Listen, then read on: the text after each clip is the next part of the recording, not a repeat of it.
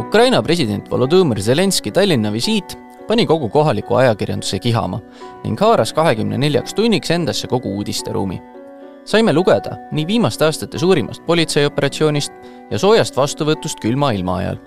Ukraina keele kaudu sisenes Eesti poliitilisse kõnepruuki sõna võidutahe. see on kõik tore, aga takkajärgi on analüütikud välja toonud, et tegemist oli ikkagi vaid viisakusvisiidiga mina olen Kaur Maran ja kui tegin koos kolleegidega Zelenski visiidist meie suurt lugu, raius välisminister Margus Tsahkna mulle, et tegu oli äärmiselt sisuka, lausa hardcore töövisiidiga. kutsusingi välisministri Ekspressi podcasti stuudiosse, et arutada, milles see suur töö siis ikkagi seisnes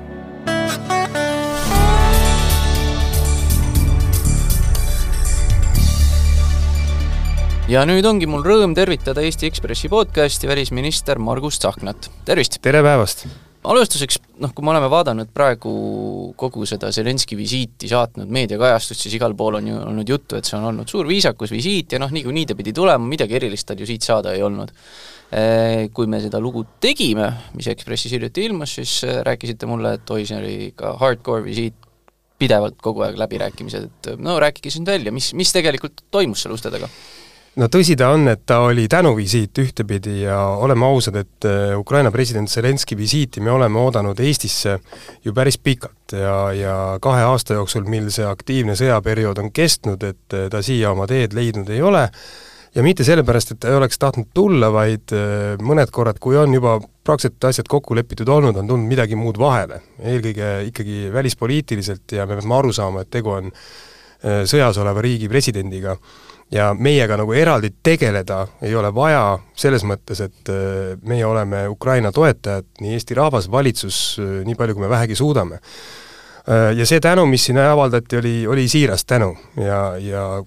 kogu selle visiidi käigus, kuna välisminister neid visiite saadab algusest kuni selle hetkeni, kuni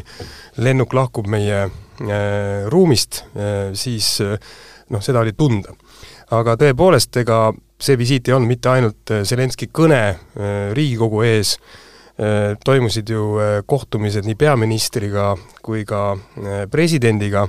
olid nelja silma kohtumised kõrgel tasemel, aga samamoodi oli ju kaasas ka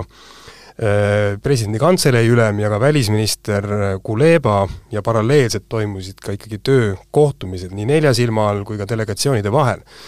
ja neid teemasid, mida me koos arutame, on väga palju, et ega ukrainlased ei pidanud meid veenma selles, et nemad on valmis võitlema, nad võitlevad meie eest ja meie asemel. Et Eesti annab omalt poolt nii palju, kui meil vähegi on anda ja kavatseme ka tulevikus seda teha, aga on mitmed teemad, mida me koos ajame siis globaalselt ja Euroopas eelkõige. et see oli rohkem nagu lahingplaani pidamine selles mõttes, et kuidas, kuidas mingite asjadega edasi minna? just nimelt, see on lahingplaani pidamine, see on info vahetamine ja alati on hea, kui istutakse füüsiliselt maas ja, ja räägitakse läbi. meil on neid nii-öelda bilateraalseid eraldi kohtumisi pidevalt, on need NATO tippkohtumiste või välisministrite kohtumiste juures või Euroopa Liidus või mingid teised formaadid või meie enda visiidid Ukrainasse aga nii kõrge tasemega istuda maas ja pidada plaani, see oligi üks mõte sellel visiidil ka. nii et see on see varjatum külg, mis võib-olla avalikkuse eest jääb peitu. aga noh, teemad ei ole midagi väga uut, küsimus on selles, et mida me teeme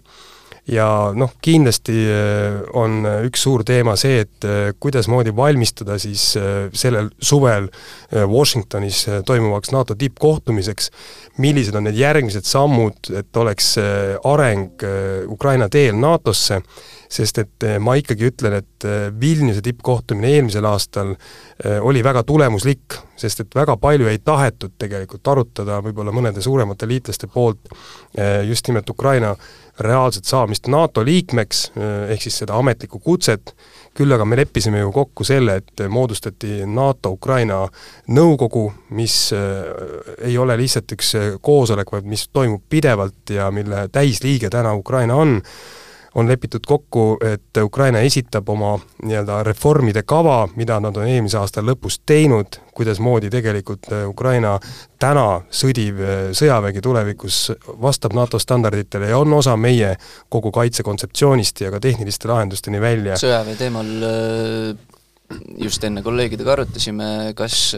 tuli teemaks ka Ukraina sõjaväelaste Eestis, Eestis koolitamine edaspidi? Jaa, absoluutselt, ega me ju tegelikult anname treeningut ja anname ukrainlastele siin, see jätkub noh, nende võimaluste piires, mis Eestil on, küll aga teatud relva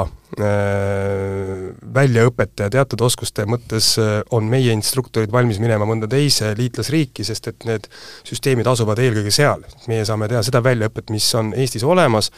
no näiteks meditsiin on meil väga kõrgel tasemel, aga ka mõned relvagrupid, mida me saame treenida, aga ka näiteks kogu küber, kõiki neid muid teemasid saab Eesti kindlasti pakkuda oma territooriumil, aga meie väljaõpe kindlasti jätkub, et selles kahtlust ei ole. nii, eelmine nädal teiega rääkisime, siis tõite välja, et üks väga oluline, oluline osa sellest äh, delegatsioonist oli siis ka kabinetiülem äh, Andri Jermak, et tema oli siin kohapeal, miks, miks tema siin viibimine oluline oli, mis, mis dimensiooni see siis kohtumistele juurde andis? noh, kui meie Eestis äh, vaatame meie presidendi kantselei ülema nii-öelda rolli ja meie presidendi rolli laiemalt, siis me oleme parlamentaarne riik mm. -hmm ja presidendil on küll väga oluline roll, president on riigipea, aga tal on eelkõige kanda ka selline esindusfunktsioon ja välispoliitikas äh, äh, samamoodi olla üks esikõnelejatest. Äh, Ukraina presidendil on ikkagi otsemandaat ja tema kabineti ülem on üks nendest tipp, tipp, tippudest, kust langevad otsused. eks see oli väga tähtis ja, ja presidendi ülem, presidendi kantselei ülem kuulub ka kindlasti sellesse väiksesse ringi koos president Zelenskiga, kus otsuseid langetatakse. nii et temaga see vahetu nõupidamine oli kindlasti väga oluline. ja mis olid need teemad lisaks NATO-le, aga ka Euroopa Liidu liitumise protsessile, mis anti nüüd siis nii-öelda roheline tuli eelmise aasta lõpus on see, et ukrainlased tunnevad väga suurt huvi meie lahenduse vastu, mis on täna Riigikogus juba läbinud esimese lugemise, ehk siis et kuidas võtta kasutusele Venemaa külmutatud varad. ja, ja siin me pidasime väga äh, selgeid plaane, kuidas koos edasi liikuda nii avalikus ruumis, aga ka eelkõige diplomaatia ja poliitilisel tasemel. ehk siis äh, kui, Venemaa külmutatud varade kasutuselevõtust rääkimine tundub, ma arvan, tavapärasele raadiokuulajale väga elementaarne tegevus,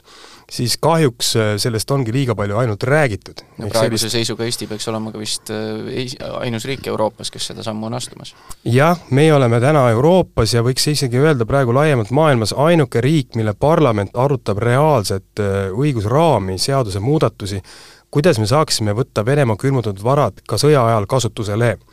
mida seni on tehtud, on see, et nii-öelda äh, selle külmutatud vara kasviku pealt, noh, kas siis äh, protsendid, intressid, et selle maksustamise pealt tulnud vara võetakse kasutusele, Belgia on siin langetanud otsuseid ja on erinevaid mõtteid olnud, aga nüüd on ka Ameerika Ühendriigid, Suurbritannia, G7 riigid laiemalt äh, reaalset huvi tundnud ja tunnevad suurt huvi meie lahenduse vastu, mis on universaalne rahvusvahelise õigusele baseeruv lahendus ja mida saavad ka teised võtta kasutusele. ja miks see on hästi oluline, on muidugi see, et esiteks reaalselt see vara võtta kasutusele, anda Ukrainale kas siis ülesehitamiseks või isegi ütleme siis mingite varustuste soetamiseks, see on nii-öelda see praktiline tulemus teine väga oluline põhjus külmutatud varade kasutuselevõtuks on see, et anda väga tugev sõnum Venemaale ja anda väga tugev sõnum ka Vene oligarhidele et äh, business as usual peale sõda, mida arvatavasti siis Putin loodab võita, ei jätku. Need varad võetakse kasutusele, nad jäävad oma varadest ilma ja nendel tekib nõudeõigus agressorriigi ehk siis Venemaa enda vastu, ehk siis Putini vastu, ehk siis iseenda vastu. ehk siis see on äh, mida me oleme ka märganud, et kui me räägime külmutatud varade kasutuselevõtule, siis Venemaa poolt see reaktsioon on hästi valus. seda tegelikult kardetakse. ja see on üks teema, mis kindlasti õõnestab ka Putini enda autoriteeti siseriiklikult, et see on väga tähtis, et saada see kasutusele. ja kolmas on siis see, mis puudutab juba laiemalt ka lääne enda ühiskondi, on see, et meil on tulemas päris palju valimisi, noh kõige tähtsamad valimised, mis mõjutavad kindlasti kogu seda sõja kulgu ja kõik need spekulatsioonid on õhus, on Ameerika Ühendriikide presidendivalimised samamoodi Suurbritannias tulevad valimised, väga mitmetes kohtades Euroopas tulevad valimised. ja üks teema, mis nii-öelda skeptikute poolt on üles tõstetud ja mis on ka arusaadav erinevates ühiskondades, on see, et kui palju me nii-öelda omaenda maksumaksja raha jätkuvalt ja kui pikas perspektiivis me anname Ukrainale eriti olukorras, kus on võimalik, et USA toetus kukub ära, eks ole? no eriti olukorras, kas kukub ära, ei kuku ära, need küsimused on kõik lahtised, aga see on õigustatud küsimus, et ega meil kõigil, nii Euroopas kui Ameerika Ühendriikides, on ju majanduslangused nii-öelda, meil ei ole midagi kindlat, meie enda maksumaksjad küsivad, et kui palju me suudame tegelikult veel panustada, samamoodi Ameerika Ühendriikide keskne sisepoliitiline debatt on töökohtade loomise üle, toimetuleku üle ja see on arusaadav. ning seetõttu ongi ka poliitilisel tasemel väga suur huvi, kuidas on päriselt võimalik neid lubadusi ellu viia, kui öeldakse oma maksumaksjatele sõnum, et teie, teie ei pea tulevikus maksma, vaid Venemaa, Vene oligarhid, kes on toetanud ja toetavad agressiooni, nemad maksavad. nii et paradoksaalsel kombel Eesti on asetunud küll väikese riigina sellises noh, tähelepanu keskpunkti. Kuidasmoodi see seadus on välja töötatud, kas see on rakendatav, äh, arvestades ka seda, et me oleme kõik õigusriigid, ehk siis meil on ka eraomand puutumatu meie põhiseaduse järgi, et kas see kõik on võimalik päriselus ellu viia, ning äh, siin on meil ühine huvi Ukrainaga ja seda plaani me siin ka päris detailselt järgmisteks kuudeks pidasime. no seoses teemadega, mis Eesti mis seonduvad Eesti poliitikaga ja Eesti, Eesti tegemistega Ukraina suunal, eh, on noh, mina kuulan näiteks eh, Briti väljaande The Telegraph podcasti, kus nad iga, iga päev räägivad Ukraina teemadel, Ukraine the latest, eh, ja seal on minu arust viimased kolm osa on kogu aeg räägitakse The Estonian plan, The Estonian plan, null koma kakskümmend viis protsenti siis SKT-st, et kõik, ma saan siis aru, maailma juhtivad riigid, kes on, üritavad, kes tahavad Ukrainat toetada, peaksid selle protsendi andma praeguse seisuga Eesti on vist äh, selle välja tulnud, kui, aga see on äh, ootamatult päris palju tähelepanu saanud, et kui, kuidas see praegu paistab, kas see on juurdumas, kas teised riigid on sellega kaasa tulemas? tõepoolest, äh, külmutatud varade teemale lisaks on siis Eesti välja käinud põhimõte, et riigid võtaksid kahepoolsed kokkulepped Ukrainaga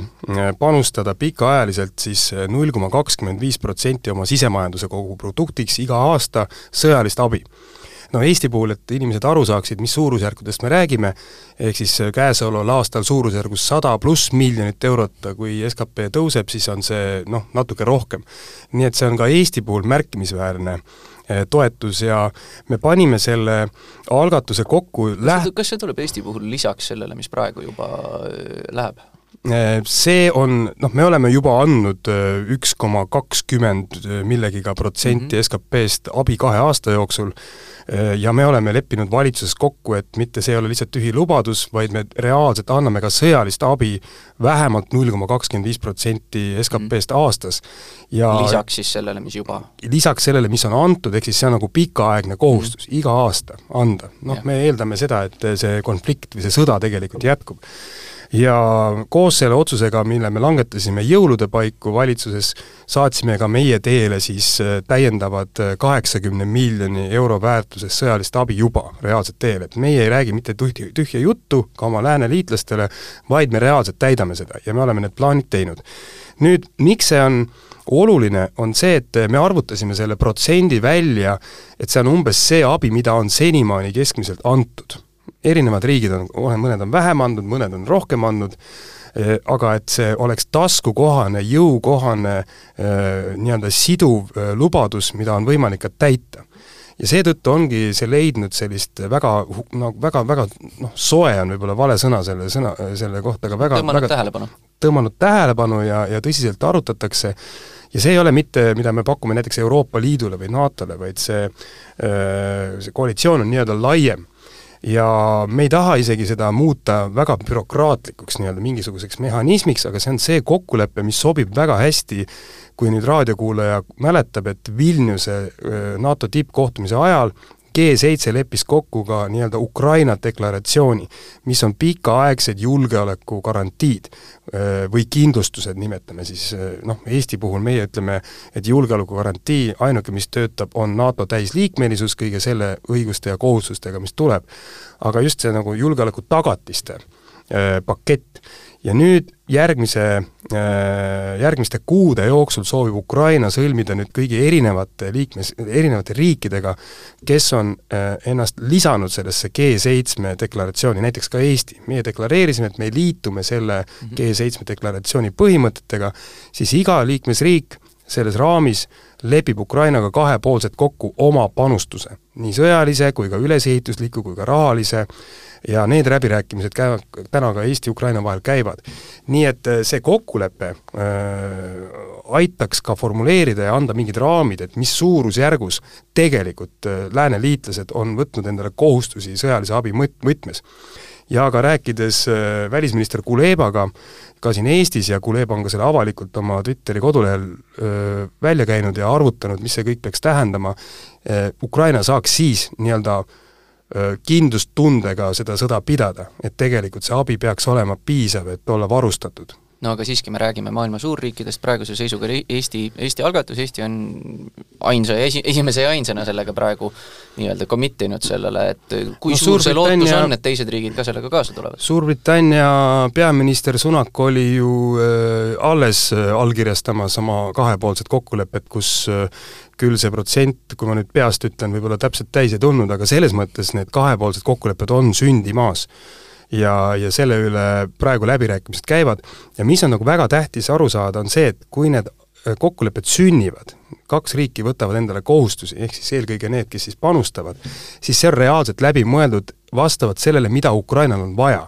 ehk siis mitte ainult abstraktselt, et paneme null koma kakskümmend viis protsenti mingist väärtust, vaid mis asjad need tegelikult on, mida siis hakatakse tarnima. ja see teebki võib-olla need läbirääkimised keerulisemad.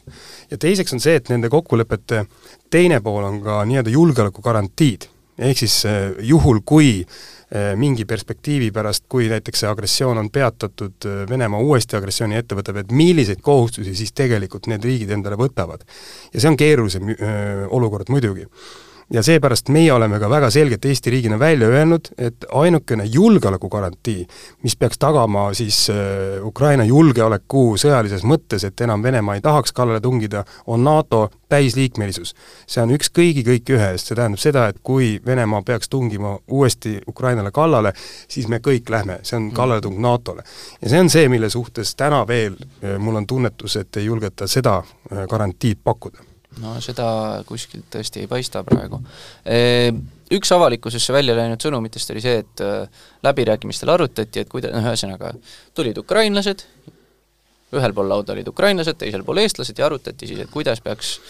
nii-öelda eestlased nõustasid ukrainlasi, et kuidas ikkagi Euroopa Liiduga läbirääkimistel äh, edasi minna. et äh, kui nüüd niimoodi kõige lapsikumalt puusti punaseks küsida, siis äh, kelle uksi mööda peab Zelenskõi hakkama koputamas käima, et siis sellel, sellel teel edasi saada, mis on see nõu, mida ukrainlased said? no siin on kaks poolt, üks on nii-öelda tehniline pool ja Eesti on teinud oma nahal ju selle läbirääkimise läbi kunagi, kui me ühinesime Euroopa Liiduga, ja see on väga bürokraatlik. ja siin on meie nõu väga vajalik ja mitte ainult meie nõu, vaid äh, Läti, Leedu ja kes iganes on siin teinud neid läbirääkimisi, ja seda me juba niikuinii anname, meil on ka läbi äh, erinevate programmide, näiteks äh, Ukraina tipp- ja keskastme äh, ametnike treeninguprogrammid, et just nimelt anda seda teadmist, kuidasmoodi pidada läbirääkimisi, kuidasmoodi seda bürokraatiat äh, läbida et no, see on see siiski, üks pool. siiski suur küsimus on see, et mida teha linnades nagu Bratislava ja Just. Budapest, eks ole. ja sinna ma tahtsingi jõuda, et teine pool on see, et eh, küll poliitiline tahe on olemas kahekümne kuuel riigil, noh, võiks öelda, aga Orban ja, ja Ungari on eh, näidanud nagu kõikidel võimalikul juhtudel seda, kuidas pidurdada Ukraina saamist Euroopa Liitu, kuidas pidurdada Ukrainale antavat abi, meil on ju jätkuvalt äh, juba otsustatud viissada miljonit Euroopa Rahufondi raha üle andmata Ukrainale, rääkimata siis sellest, et äh, meil on plaan äh, veebruaris jõuda nii kaugele, et vabastada viiskümmend miljardit pikaaegset toetust Ukraina fondi võtmes Ukrainale. Ja rääkimata sellest, et Ukraina liitumisläbirääkimised, need võtavad aastaid aega, aga seal on kuskil nelikümmend viis positsiooni täna, kus on võimalik nii-öelda kas või ühel riigil vetostada see protsess, nii et me arutasime ka seda, kuidasmoodi ja mis teemadel äh, suhelda äh, Ungariga, äh, suhelda Orbaniga, noh näiteks on olnud teema, mida Ungari on üritanud ära kasutada, et Ungari vähemuse olukord Ukrainas, haridusreform või igasugused muud teemad, mida lihtsalt pannakse laua peale et seda me kindlasti arutasime. Ja oleme ausad, et ega Euroopa Liidus käib ka arutelu, kuidasmoodi äh, siis äh, nii-öelda vetoõigust äh, vähendada või kuidasmoodi näiteks Ungaril kärpida neid tiibu, et ta ei saaks neid protsesse nii lihtsalt või vähemalt nii paljudes kohtades pidurdada, kui nad täna seda üritavad teha. Ehk siis ma ise tundsin ka oma naha peal nüüd eelmise aasta lõpus, kui me valmistasime ette ülemkogu ja ka ülemkogu ajal, et äh, pinge oli ülisuur, et kui ikkagi kõik suured riigid, äh, noh, kõik Euroopa riigid soovivad teha poliitilist otsust näiteks Euroopa Liidu laienemise suhtes Ukraina suunas ja Moldova suunas, ja üks kasutab tegelikult ikkagi ka valeväiteid ja võimalust, äh, nii-öelda protseduurilist võimalust blokeerida seda poliitilist otsust, siis see energia, mis seal tekib, on ikkagi võimas ja ma väga loodan ja me näeme neid teid juba ka, et me saame tegelikult need äh, praktilised otsused tehtud, viiskümmend miljardit ja muud rahalised abid, aga et me liigume edasi ka järgmiste sammudega liitumise teel. nii et äh, ongi äh, märtsikuuks planeeritud järgmine nii-öelda äh, valitsustevaheline kohtumine, kus peaks astutama nii-öelda järgmine samm, mis puudutab milliste valitsuste siis need? no Euroopa Liidu valitsused mm, -hmm. selles mõttes need valitsuste tasemel Äh, laienemisarutelu ja otsused, mis puudutavad äh, läbirääkimiste raami, mis puudutab screenimist, mida täna Euroopa Komisjon on algatanud, noh, screen imine tähendab mis see on, mida, mis see on, mida Ukraina selles suhtes saab ikkagi omalt poolt teha, et seal edasi jõuda? no Ukraina äh, peab läbi viima reaalselt need reformid, mis on lubatud, reaalsed tulemused, mis puudutavad kas õigussüsteemi, kohtusüsteemi, väga palju teemasid, samamoodi see pilt, mis ju avaneb mitte ainult julgeolekupoliitiliselt, vaid puhtalt majanduspoliitiliselt, mis puudutab tööturgu, vaba liikumist näiteks Euroopas, needsamad teemad, millega Eesti maadles kõvasti, näiteks põllumajandus, see tuleb väga kõva väga kõva läbirääkimine, kuna Ukraina on suur riik, vastupidiselt Eestile, Ukraina põllumajandus on maailma üks võimsamaid oma mahtude mõttes, kuidas see kõik suru-, noh, sobib kokku prantslaste, sakslaste farmerite huvidega ja kuidasmoodi üldse Euroopa Liit tulevikus välja näeb, see muudab ka näiteks netomaksjate nimekirja, et Eesti mhm. riigist tegelikult saab netomakse, mis tähendab seda, et me enam ei saa rohkem Euroopast tagasi, me panustame rohkem, me peame ka sellest ise aru saama. kui tulevad juurde suured riigid, kellel on vaja arengutoetust sõna otseses mõttes, kuidas mõõdi mõjutab Ukraina liitumine noh, kogu meie nii-öelda majanduskeskkonda, samamoodi ressursside küsimus, et Ukrainal on metsikult nii inimressurssi, kui ka me räägime tegelikult ju maavarasid, me räägime loodusressurssi ja kõike seda poolt, et need läbirääkimised saavad olema väga karmid, pikaajalised, aga väga tähtis on see, et see laev on hakanud nüüd liikuma, ehk siis see poliitiline otsus on langetatud äh,, ametlik läbirääkimiste protsess on alanud ja nüüd tulebki nii-öelda samm-sammult edasi liikuda. Euroopa Liit ise peab vaatama, kuidasmoodi oma nii-öelda takistusi äh, vältida poliitilisel tasemel, aga samal ajal me peame ka aru saama, et me peame aru saama sellest, kuidas siis Ukraina on Euroopa Liidu täisliige. kuidas me seda Euroopa Liidu juhime? noh, kõik need äh, reformisoovid on kuskil ja Eesti on ka oma huvidega seal laua taga. no näiteks äh, mida on soovitud ju aastaid avada ja nüüd uuesti, et eh, kuidas näeb välja otsustusprotsess, kas loobuda konsensusotsustest, mis teeb mis elu lihtsamaks, mis on Eesti jaoks väga libe tee, meie oma ühe koma kolme miljoni inimesega täna ikkagi valitsuse tasemel istume võrdselt laua taga, nii nagu istub ka Orban tegelikult Just. võrdselt laua taga. me ei ole seda kunagi kuritarvitanud, aga me ei tohi ka loobuda sellest eh, põhimõttest, sest siis noh, siis kui tuleb lihtsalt nii-öelda hääletussüsteemid, et enamus otsustab, siis oleme ausad, poliitika on jõhker ja ma arvan, meie hääle mõju mitte ei kao, aga muutub oluliselt väiksemaks, nii et see on niisugune tohutu rägastik, kuhu me läheme, aga tähtis on see, et et saadakse tegelikult aru, et mida me siis teeme, et noh, meil ei ole ju ainuke mõte, et aidata Ukrainat, vaid küsimus on Euroopa Liidu enda tulevikus, Euroopa äh, julgeolekuarhitektuuris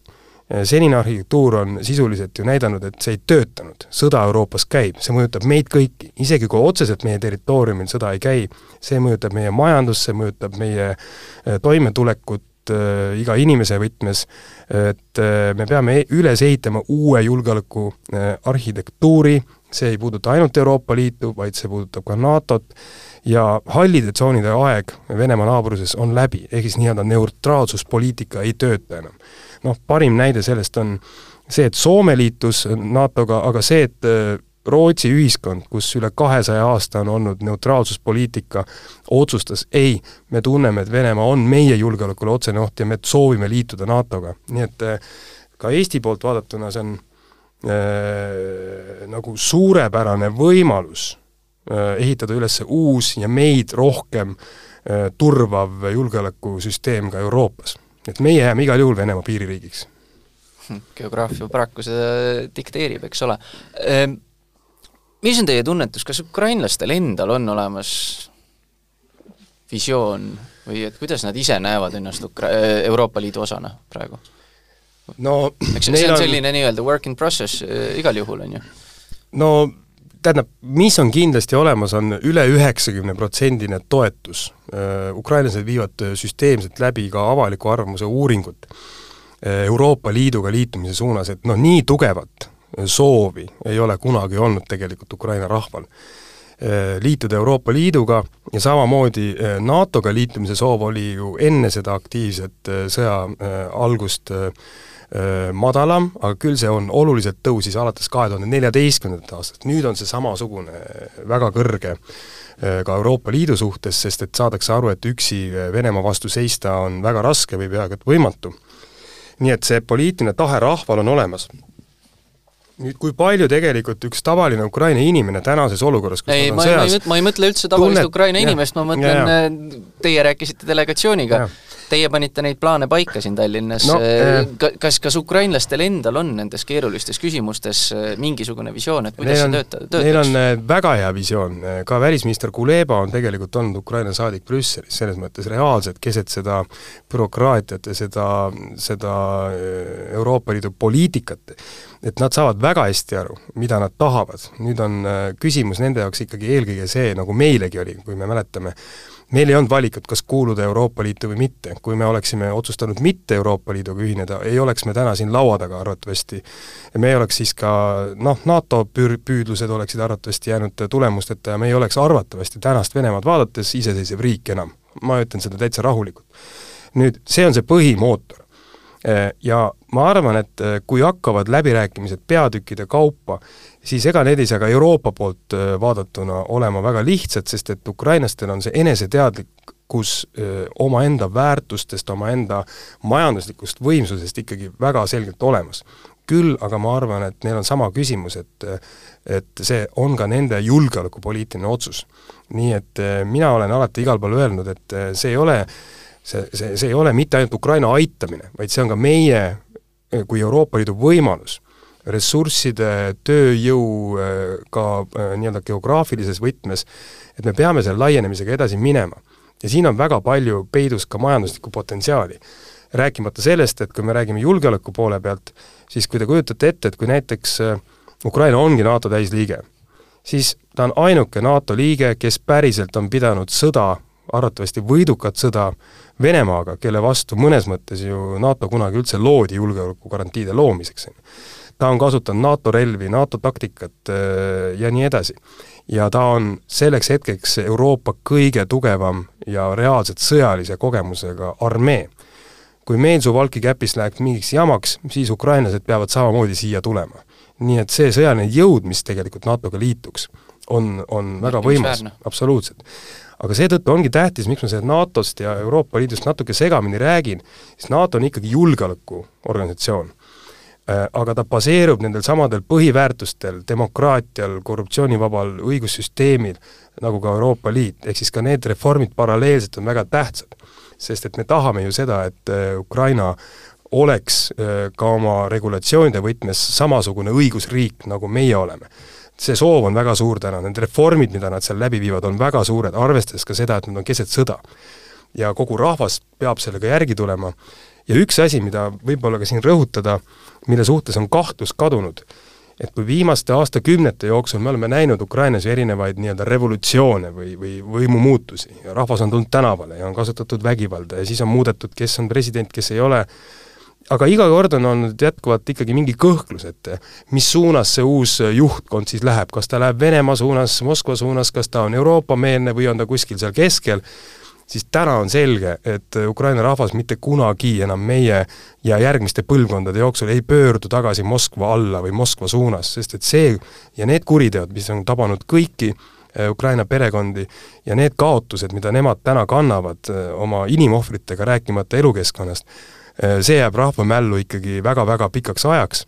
rääkimata üle kahekümne tuhande küüditatud lapse, mida me siin Eestis ei kujutagi ette, võib-olla äh, kunagi olid meil küüditamised, me teeme need oma perelugudest, see toimub tänapäeval, praegusel hetkel, kui me teeme seda intervjuud. ehk siis äh, see on üks tohutu suur kindlustus või kindlustunne, mis on meil äh, Euroopa lääneriikidel, et, et kui varem oli kõhklusi, et aga äkki tuleb mingi järgmine võim, kes ütleb, et me tegelikult teeme koostööd Moskvaga, siis seda ei ole võimalik demokraatlikus Ukrainas enam juhtuma, sest et Ukraina rahvas lihtsalt ei ole sellega nõus. see trauma on, on on pannud nad ikkagi teisele teele. aga see on väga tähtis argument, kui ma ka käin näiteks visiitidel äh, näiteks Ameerika Ühendriikides, ma olin siin mõned kuud tagasi, ja mitte ainult Washingtonis, seal tipp-poliitikutega, nemad kõik seda teavad. ma käisin Arkansase osariigis, äh, põhjus oli see, et äh, ta on poliitiliselt tänasel hetkel väga Trumpi-meelne, et samad narratiivid, mida ka Trump on rääkinud oma kampaanias, on seal väga levinud,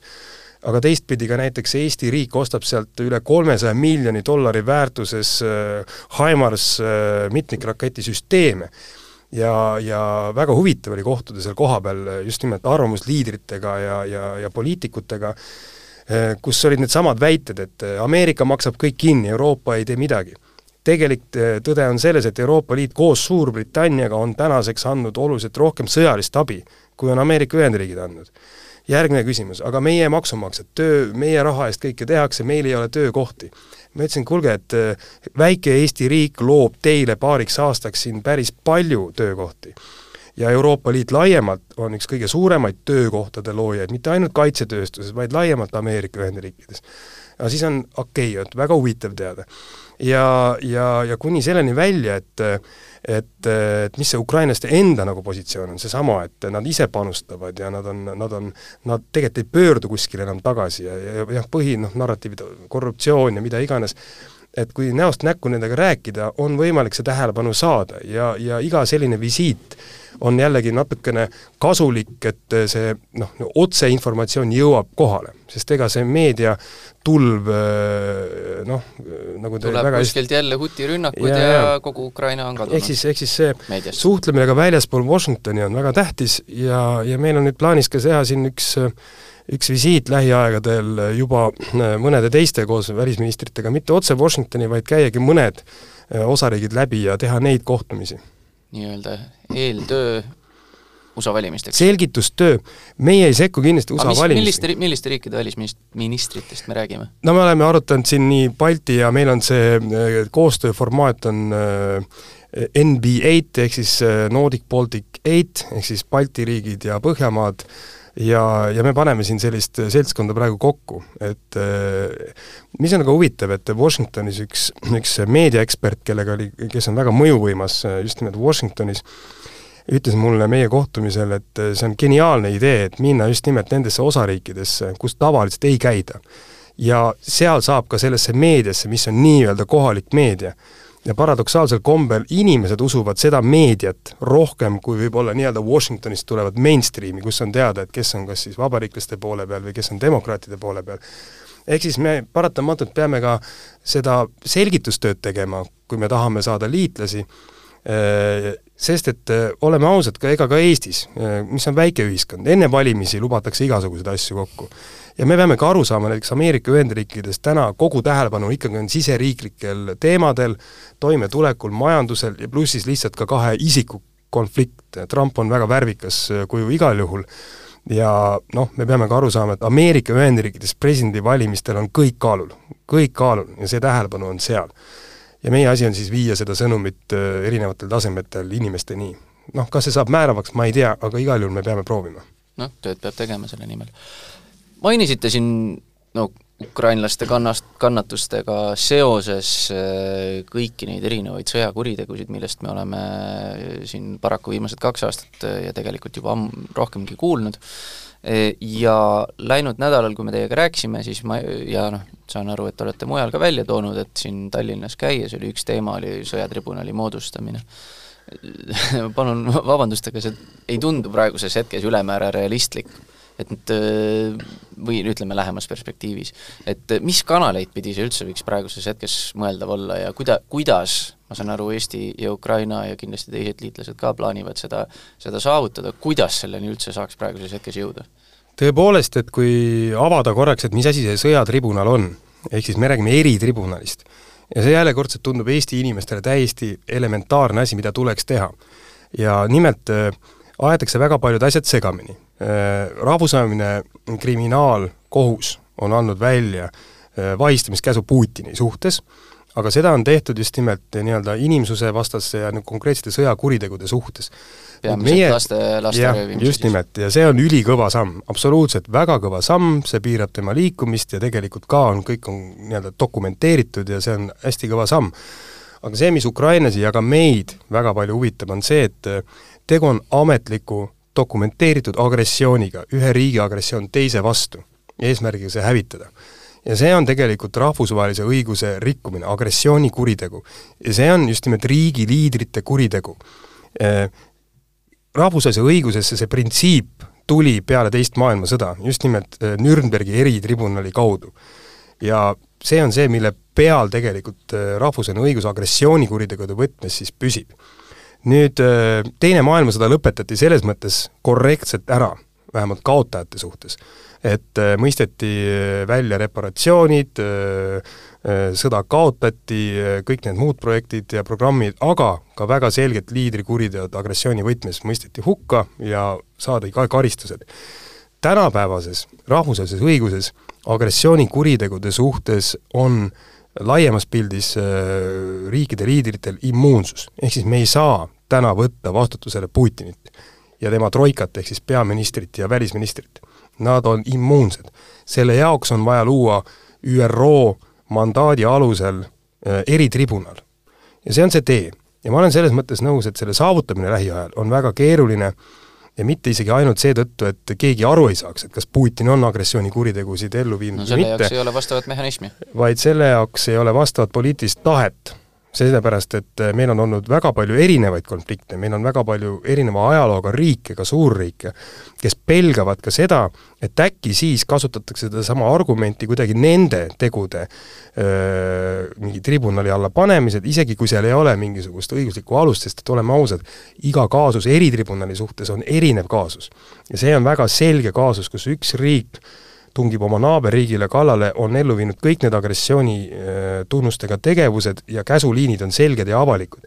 ehk siis päris sellist võrdlust ei ole võimalik tuua, aga see hirm on üleval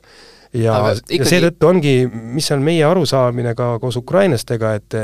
et see igasugune lahendus, mis võib-olla näitaks, et me teeme nagu mingi tribunali, aga mis tegelikult seda immuunsust ei kaota äh, Putini suhtes, ei ole lahendus. Ja ega siin tulebki rahulikult ja pikalt seda asja edasi ajada, meil on äh, päris palju samameelseid riike ka ÜRO-s, äh, millist töögruppi Eesti juhib, kus me pidevalt arutame, leiame uusi juriidilisi argumente, aga tegelikult noh, probleem seisneb ju ikkagi selles, et kas on piisav poliitiline tahe ja ausalt öeldes ega see Gaza olukord ÜRO-s asju lihtsamaks ei teinud. ehk siis ma olen nõus, koheselt sealt mingisugust head lahendust ei tule, aga kas või see, et me ei ole nõus eelkõige ukrainlased ei ole ei ole rahul äh, mingisuguse muu lahendusega, siis noh, see on ka ikkagi teadmine, nii et äh, meie poolt vaadatuna, Eesti rahva poolt vaadatuna agressioonikuriteo eest vastutusele võtmine on nagu olemuslik ja eksistentsiaalne küsimus, sest et äh, meie iseseisvus baseerub ju rahvusvahelisel õigusel, nii nagu meie kunagine president Lennart Meri on selle kuulsa lause öelnud, et et väikerahva tuumarelv on rahvusvaheline õigus, nii me peame ka kaitsma neid printsiipe, isegi kui me, meile tundub, et sel hetkel täna näiteks ei ole lahendus käegakatsutav, me peame jääma sinna nendele põhimõtetele kindlaks. aga ühtegi konkreetset sammu praegu selles suhtes ikkagi, selles suunas ikkagi astuda praegu ei ole? No sammud on, pidev veenmistöö, seesama nii-öelda core group ehk siis juhtgrupp käib koos, äh, analüüsid toimuvad, pidevad kohtumised, mul ei ole vist ühtegi kohtumist äh, ükspuha millise välismaa, äh, teise riigi välisministriga, kus see teema ei ole meie jutupunktides ja, ja laua peal. ja ka veenmine tegelikult väga oluline on näiteks kogu, kogu Aafrika kontinent, Ladina-Ameerika, need riigid, kes on ka kogenud ise agressiooni või sa-, või, või kes tegelikult loodavad samamoodi rahvusvahelise õiguse äh, püsimisele, ka nende teavitustöö tegemine on väga tähtis. et see ei ole mitte ainult, et me räägime Euroopa Liidust ja, ja, ja nii-öelda meie tavapärastest partneritest,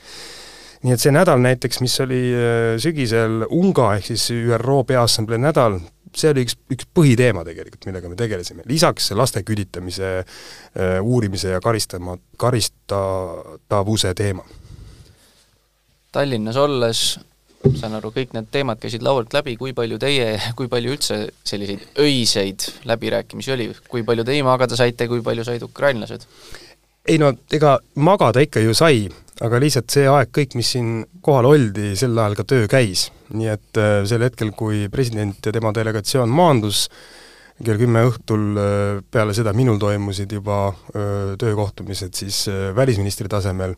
Ja ka hommikul ju läks kõik edasi, nii et sel ajal, kui näiteks ähm,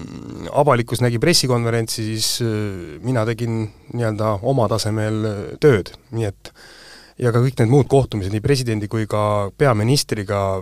see oli, need olid töised kohtumised, mitte ainult viisakuste vahetamised. Samal ajal lepiti kuskil taustal mingeid asju veel kokku? ma ei saanud täpselt aru, et et ühesõnaga, samal ajal, samal ajal kui meie nägime, nägime pressikonverentsi, nägime Riigikogus kõnet, samal ajal töö käis ja samal ajal töö käis, sest et noh, see ongi normaalne olukord ja ja me peame ka aru saama, et äh, iga minut on tähtis, et meil käis siin visiidil ühe suure riigi president, kes samal ajal on ka ju sõjapealik, sõna otseses mõttes see sama seltskond juhib kogu seda sõjategevust, kogu seda tegevust, mis on Ukrainas mis on ju pidevad pommirünnakute all öösiti, kõik need kommunikatsioonid, kõik need videod, mida ka Zelenskõi teeb globaalselt, kõik see toimus ju Tallinnas sellel, sellel ajal, kui nad siin olid. nii et see intensiivsus ja koormus, millega need inimesed töötavad, on ikkagi midagi sellist, et kui sa seda lähedalt näed, siis siis sa ikkagi saad aru, et kui turvalises eh, kohas me elame ja mis meil täna üldse olemas on. see oli ka üks asi, mida, mida eh, välisminister Kuleba, kellega noh, meil on, minul on pidev, pidev suhe ja, ja me inimlikult ka saame väga hästi läbi, ta ütleski, et teate, et noh, vaadake ringi, mis teil on. et sellest ei saa ennem aru, kui see on kadunud et, et see paneb nagu mõtlema ja ma arvan, et, et president Zelenskõi kõne Riigikogus, ma istusin seal, kus see valitsuse koht on, et mul oli hea näha Eh, reaktsiooni saalis, siis ma arvan, et eh, võib-olla see tuletab meelde, et need mingid tülid, mida me siin siseriiklikult teeme siin poliitiliselt, et see on naeruväärne võrreldes sellega, millega seisab Ukraina rahvas silmitsi. Ja et me ikkagi tuletaks meelde, et see Eesti riigi julgeoleku küsimus peaks olema konsensuspoliitika, me peaksime kõik siin ühiselt aru saama, et, et kui meil seda ei ole, kui meil julgeolekut ei ole, siis meil ei ole ka võimalik siin oma väikseid eh, muid täna naljakaid tunduvaid tülisid lahendada ma arvan, et kuulajad ei andestaks mulle, kui ma ei küsiks teie käest nüüd seda, et kas tuli teemaks ka Slava Ukraini ja Johanna-Maria Lehtme saatus? ei tulnud. See ei ole teema, millega meie tegeleme, et see ongi üks huvitav lugu, et ta lõi kohutavalt valusasti kõigi meie õiglustunde pihta Eesti ühiskonnas ja ma kas ma lugesin kuskilt mingit uuringut või, või oli see mingi analüüs, et kus tunnistati, et see oli üks eelmisel aasta üks selliseid inimesi kõige rohkem puudutavaid lugusid. ja ma absoluutselt saan sellest aru. aga mis on nagu teistpidi jällegi paradoks, et me tänaseni ju ei tea lõpuni, et kõik, mida me teame, ei viita sellele, et eh, oleks kohutavalt suured kuritarvitused olnud mida iganes. Eh, samamoodi ei ole ju algatatud eh, ju kriminaalasja Äh, jätkuvalt uuritakse nii Eesti poole peal kui Ukraina poole peal ja kindlasti see selgus tuleb saada, see on absoluutselt selge, sest et see puudutas meie mingisugust õiglustunde närvi kogu ühiskonnas kõikidel tasemetel.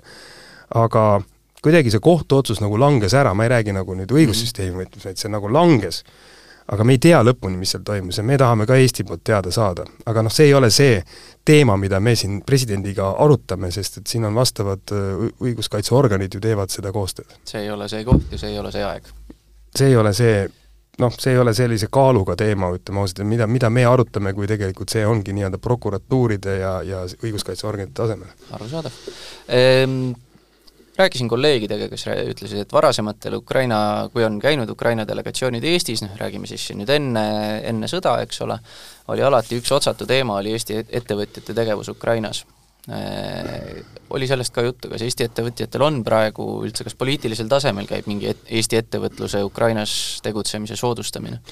jaa, väga hea, et te küsite seda, seda küsimust, see oli üks eraldi teema, nimelt äh, Eesti on väga aktiivne Ukraina ülesehitamisprotsessis ja juba sõja ajal. ja me oleme tänaseks juba valmis saanud ju ühe silla, me oleme valmis saanud ühe lasteaia ja selle laienduse, meil on järgmine projekt juba käivitunud, mis puudutab siis äh, peremajasid, ehk siis nende lastele, kes on oma vanemad kaotanud sõja käigus, noh, põhimõtteliselt nii-öelda vanasõnaga lastekodude süsteem ja mitte ainult ehitamine, vaid ka kogu see teadmine, koolitus, äh, arusaamine, kuidas see võiks toimuda, meil on see on siis, et Eesti rahastab sealset tegevust? Eesti rahastab neid ehitamisi aga mina räägin Eesti programmi. ettevõtjate tegevusest. jaa, ma nüüd jõuangi sinna välja ehk siis äh, see on üks, üks teema, mille ma olen tõstnud prioriteediks ka Välisministeeriumis ja meie all on selline asutus, ehk siis äh, sihtasutus nagu Estev, mis viib seda kõike ellu. ja nüüd selle mõte ongi olnud see, et meie ettevõtted äh, viivad neid projekte ellu. meie asi on ette näha nii-öelda seemneraha Äh, Eesti äh, riigieelarvest ja mul on hea meel, et meil on nüüd kokkulepe järgmiseks neljaks aastaks, iga aasta nelisteist miljonit eurot, seda raha, millega me saame neid projekte kaasrahastada. laiem mõte on see, et suured doonorid, on need G7 riigid, on see Euroopa Komisjon või ka eraldi Eh, erinevad suured riigid, nad tuleksid läbi Eesti, läbi meie hub'i nii-öelda või selle keskuse ja viiksid neid eh, projekte laiemas mastaabis ellu Ukrainas koos Eesti eraettevõtjatega, koos meie MTÜ-dega, koos meie ettevõtetega. näiteks needsamad eh, lasteaiad ehitas üles tegelikult kõik Eesti ettevõtete konsortsium samal ajal me tegime silla sellisena, et äh, seda ehitasid tegelikult Ukraina ettevõtted, aga hange ja kogu see nii-öelda bürokraatia ja raha jälgimine ja läbipaistvus oli Eesti garanteerida, meie garanteerida. ja nende projektide vastu on väga suur huvi äh, suurte doonorriikide poolt, sellepärast et meil on olemas kogemus, partnerid, me räägime seda keelt, mida Ukrainas räägitakse, ja meil on ette näidata reaalsed tulemused, nii et mis on minu kui välisministri eesmärk selle Ukraina ülesehitamise protsessis on see, et meie majandus, meie ettevõtted saavad sellest tegelikult osa. me räägime sadadest miljarditest väärt äh, järgmiste kümne aasta jooksul toimuvatest projektidest. nii et äh, see on üks pool ja eraldi äh, on see, millega me tegeleme, on nüüd ka investeeringud Ukrainasse. seal on mitmed tõkked, esimene, kõige arusaadavam on see, et Ukrainat pommitatakse pidevalt, et kas on mingid kindlustussüsteemid, kuidas me saame anda mingile investeeringule, kes kas loob mõne tehase või mida iganes töökohti sinna, et, et see oleks kindlustatud, siin me teeme koostööd erinevate riikidega, näiteks Taanil on selline süsteem olemas, Saksamaal olemas, me oleme tõstatanud sama teema Euroopa Liidu tasemel. aga ka näiteks see, et meie ettevõtjad oleksid nii-öelda äh, turvalises õiguskeskkonnas, et nendega ei juhtuks seal mingeid imelikke lugusid, et see tähelepanu nagu, oleks nagu olemas. no on juhtunud, oleme kuulnud iga, igasuguseid erinevaid lugusid. ehk siis mis on ka meie ja Välisministeeriumi ülesanne, on kui on äh, tulemas mingi suurem projekt, äh, investeering, siis äh, leppida see valitsuste tasemel kokku, et see tähelepanu on seal. hästi me oleme nüüd päris pika ringi teinud, aga tuleme nüüd tagasi ikkagi selle juurde, mis, mis on meie vestluse kese, ehk siis Eesti, Eesti ja Ukraina läbirääkimised, mis olid siis, kui Zelenskõi Tallinnas käis. viimaseks küsimuseks,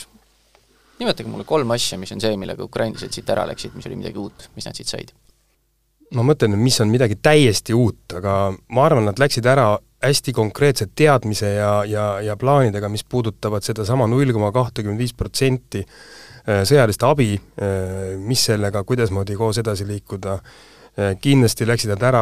uuemate teadmistega, mis puudutab külmutatud varade protsesse, ka seda õiguslikku baasi ja kuidasmoodi see kõik võiks välja näha ja mida me järgmiseks edasi teeme. Ja võib-olla uuema teemana me käsitlesime ka seda poolt, et kuidasmoodi Eesti ettevõtted mitte ainult ei, et me ei teeks neid ülesehitusprojekte, vaid et kuidasmoodi me suudaks kindlustada nende investeeringuid. Ehk siis täna äh, juba sõja ajal äh, ma arvan, et mingid piloodid tuleks ära teha, et kus Eesti ettevõtted kas konsortsiumina äh, või siis eraldi nad lähevad ja päriselt teevad mingi pikaaegse investeeringu Ukrainasse, see oleks osa Ukraina majandusest, aga see oleks osa ka Eesti majandusest, selles mõttes, et võib-olla need on need uuemad teemad, sest et seesama Euroopa Liidu ja NATO ja kõik need muud protsessid, et me oleme pidevalt omavahelises ju kontaktis äh, et ma ei tea, kas seal tuli midagi uut nii-öelda rabavat, aga võib-olla need on need kolm teemat, mille suhtes me saime minna nagu, nagu uuele tasemele. hästi. Eesti Ekspressi poolt mina teid tänan ja kuulajatele, eks räägime jälle uuel nädalal uutel teemadel. aitäh!